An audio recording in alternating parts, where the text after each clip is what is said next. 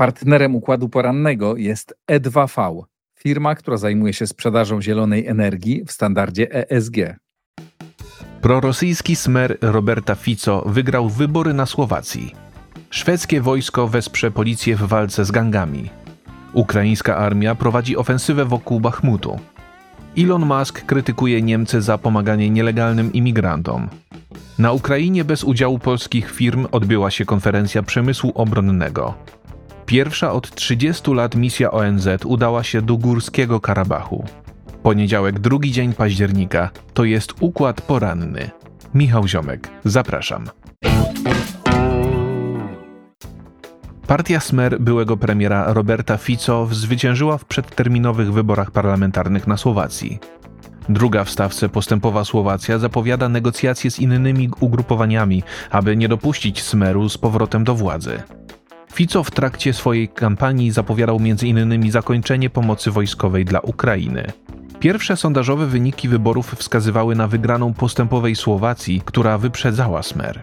Po przeliczeniu niemal wszystkich głosów okazało się jednak, że ostatecznie zwyciężyła partia Fico z kilkuprocentową przewagą nad postępowcami. Trzecie miejsce zajęła partia Głos, socjalna demokracja, tworzona przez byłych polityków Smeru na czele z byłym premierem Petrem Pellegrinim. Poza tym próg wyborczy przekroczyły jeszcze cztery inne partie. Liderzy postępowej Słowacji zapowiedzieli, że zrobią wszystko, aby powstrzymać Fico przed powrotem do władzy. Liberałowie będą musieli więc przekonać głos i Słowacką Partię Narodową, które wydają się być naturalnymi koalicjantami Smeru.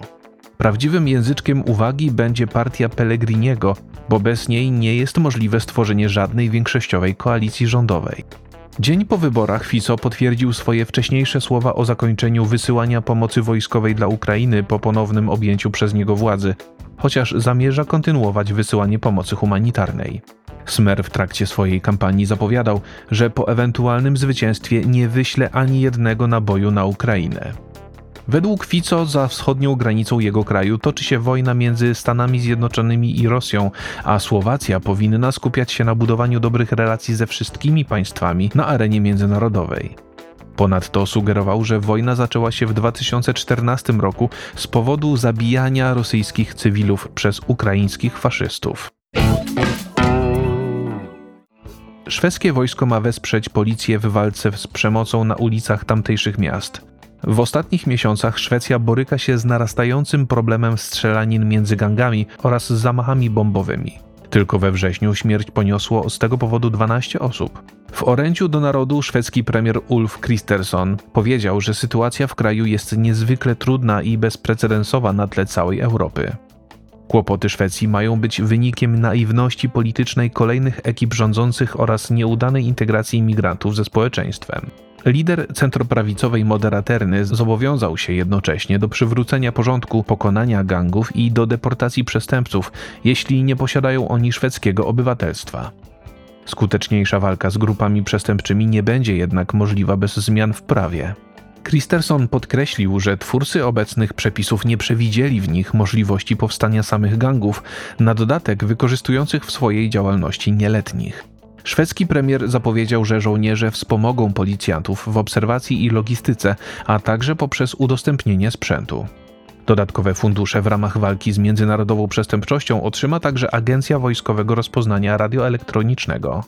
Sytuacja w Szwecji jest najgorsza od 2016 roku, gdy wprowadzono statystyki dotyczące przestępstw z użyciem broni palnej oraz podkładania ładunków wybuchowych. Tylko w ubiegłym miesiącu życie z tego powodu straciło 12 osób.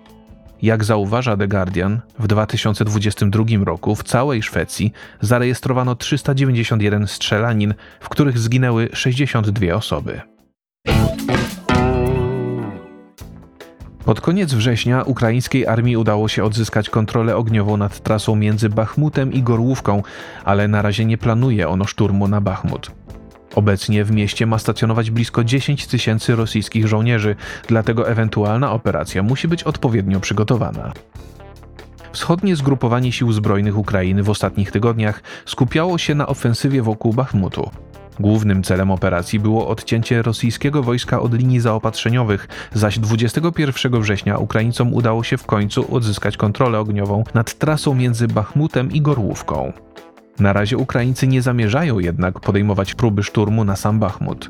Stacjonować ma w nim blisko 10 tysięcy Rosjan z jednostek pancernych, zmotoryzowanych i desantowych, a dodatkowo okolice miasta są zaminowane. Przeprowadzenie operacji w tych warunkach wiązałoby się z dużymi stratami, dlatego musi być ona odpowiednio przygotowana i zaplanowana. Zagrożenia dla sił zbrojnych Ukrainy ma już nie stanowić rosyjska grupa Wagnera. Przedstawiciele ukraińskiego wojska twierdzą, że nie byłaby ona zdolna do walki, tak jak to miało miejsce podczas zajęcia Bachmutu przez Rosjan. Na terenie Ukrainy mają więc znajdować się jedynie pojedynczy najemnicy należący do grupy Wagnera. Właściciel Tesli Elon Musk skrytykował Niemcy za wspieranie organizacji praw człowieka mających pomagać imigrantom w przedostawaniu się przez Morze Śródziemne do Włoch. Niemieckie Ministerstwo Spraw Zagranicznych odpowiedziało miliarderowi, że w ten sposób ratuje życie ludzi na morzu. Musk na należącym do siebie portalu X udostępnił post użytkownika Radio Genoa dotyczący sytuacji na włoskim wybrzeżu. W informacji można przeczytać, że obecnie osiem finansowanych przez rząd w Berlinie niemieckich organizacji pozarządowych jest zaangażowanych w pomaganie nielegalnym imigrantom, którzy dzięki nim mogą dotrzeć na terytorium Włoch. Radio Genoa z tego powodu wyraża nadzieję, że ta praktyka zostanie powstrzymana dzięki ewentualnemu wyborczemu triumfowi alternatywy dla Niemiec. Wpis Maska spotkał się z reakcją Ministerstwa Spraw Zagranicznych Niemiec. Odpowiadając miliarderowi, napisało ono, że w ten sposób organizacje pozarządowe ratują życie ludziom znajdującym się na Morzu Śródziemnym. Według Maska tak naprawdę dochodzi do naruszenia suwerenności Włoch, bo Niemcy transportują nielegalnych imigrantów właśnie na włoskie terytorium. Niemiecka telewizja publiczna ZDF zarzuciła właścicielowi Tesli mieszanie się w wewnętrzne sprawy kraju. Już w najbliższy weekend odbędą się bowiem wybory do parlamentów w Bawarii i Hesji, a w obu krajach związkowych alternatywa dla Niemiec walczy o pozycję drugiej największej siły politycznej. W ostatnich dniach właśnie na aktywności organizacji pozarządowych na Morzu Śródziemnym zaostrza się konflikt między Włochami i Niemcami. Włoska premier Giorgia Meloni zarzuca niemieckiemu kanclerzowi Olafowi Scholzowi podejmowanie niekonsultowanych z nią działań wobec nielegalnych imigrantów. Szef resortu obrony Włoch, Guido Crosetto, zarzucił z kolei Niemcom podwójne standardy. Władze w Berlinie mają bowiem wzmacniać kontrolę na swoich własnych granicach, a jednocześnie pomagać imigrantom w przedostawaniu się do Włoch. Kijowie z udziałem 250 firm z 30 państw odbyło się Międzynarodowe Forum Przemysłu Obronnego. Było ono poświęcone rozbudowie przemysłu zbrojeniowego na Ukrainie, w tym produkcji rakiet dalekiego zasięgu. Do udziału w wydarzeniu nie zaproszono przedstawicieli Polski. Prezydent Ukrainy Wołodymyr Zełenski jest zainteresowany nie tylko wzmocnieniem potencjału obronnego swojego kraju, ale także jego uniezależnieniem się od dostaw sprzętu militarnego i amunicji z zagranicy. W osiągnięciu tego celu ma pomóc nawiązanie przez Ukrainę kooperacji z zagranicznymi koncernami zbrojeniowymi. Jak zauważa portal Defense24, niedawno niemieccy urzędnicy wydali firmie Rheinmetall pozwolenie na nawiązanie współpracy z ukraińskimi przedsiębiorstwami. Politico informuje natomiast o otwieraniu na Ukrainie sklepów z bronią przez niemieckie i francuskie firmy, co może być pierwszym krokiem w kierunku rozpoczęcia przez nich produkcji sprzętu wojskowego. Ukraina chciałaby produkować na swoim terytorium m.in. rakiety dalekiego zasięgu i nowoczesną artylerię. Prezydent Ukrainy jest tym samym gotowy zaoferować zagranicznym firmom zbrojeniowym różnego rodzaju ulgi, aby zainteresowały się ukraińskim rynkiem. Poza tym władze w Kijowie utworzą specjalny fundusz militarny, który uzyska finansowanie poprzez sprzedaż rosyjskich aktywów oraz przez udział w zyskach przemysłu obronnego. Portal tygodnika Do Rzeczy zauważa, że w konferencji wzięły udział delegacje firm zbrojeniowych ze Stanów Zjednoczonych, Wielkiej Brytanii, Francji, Szwecji, Turcji czy Czech. Na wydarzenie nie zostali natomiast zaproszeni przedstawiciele polskiego przemysłu obronnego.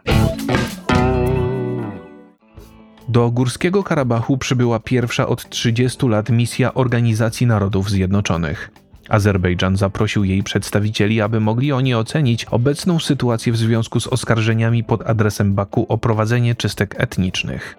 Misja przedstawicieli różnych agent działających pod egidą Organizacji Narodów Zjednoczonych przybyła do Górskiego Karabachu w niedzielę rano. Tym samym to pierwsza od ponad 30 lat organizacja międzynarodowa, która oficjalnie mogła przybyć do regionu. Według Azerbejdżanu obserwatorzy ONZ będą mogli ocenić pojawiające się doniesienia o tragicznej sytuacji humanitarnej w regionie, który przez wiele tygodni miał być odcięty od pomocy z zewnątrz. Umożliwienie przyjazdu delegacji ONZ dopiero teraz spotkało się z krytyką państw zachodnich. Według Francji Azerbejdżan zgodził się na jej wizytę dopiero wtedy, gdy większość Ormian zdążyła już opuścić swoje domy. Niecałe dwa tygodnie temu władze separatystycznego regionu zawarły porozumienie o zawieszeniu broni z Baku. Oznacza ona faktyczną likwidację istniejącej od ponad trzech dekad Republiki Arcach. Od tego czasu Górski Karabach miało opuścić już blisko 100 tysięcy spośród 120 tysięcy mieszkających w nim Ormian. W niedzielę w Armenii miał miejsce Narodowy Dzień Modlitw za ten region. W kościołach biły więc dzwony, natomiast w Erywaniu odbyła się uroczysta msza święta celebrowana przez głowę ormiańskiego kościoła apostolskiego Karekina II. W układzie porannym nie relacjonujemy kampanii wyborczej w Polsce, ponieważ robią to wszystkie inne media. Staramy się mówić o tym, czemu poświęcają one mniej uwagi. To wszystko na dzisiaj. Jeżeli podoba się Państwu nasza praca, serdecznie zachęcam do wsparcia układu otwartego w serwisie patronite.pl. Bardzo dziękuję Państwu za uwagę i do usłyszenia w kolejnym układzie porannym.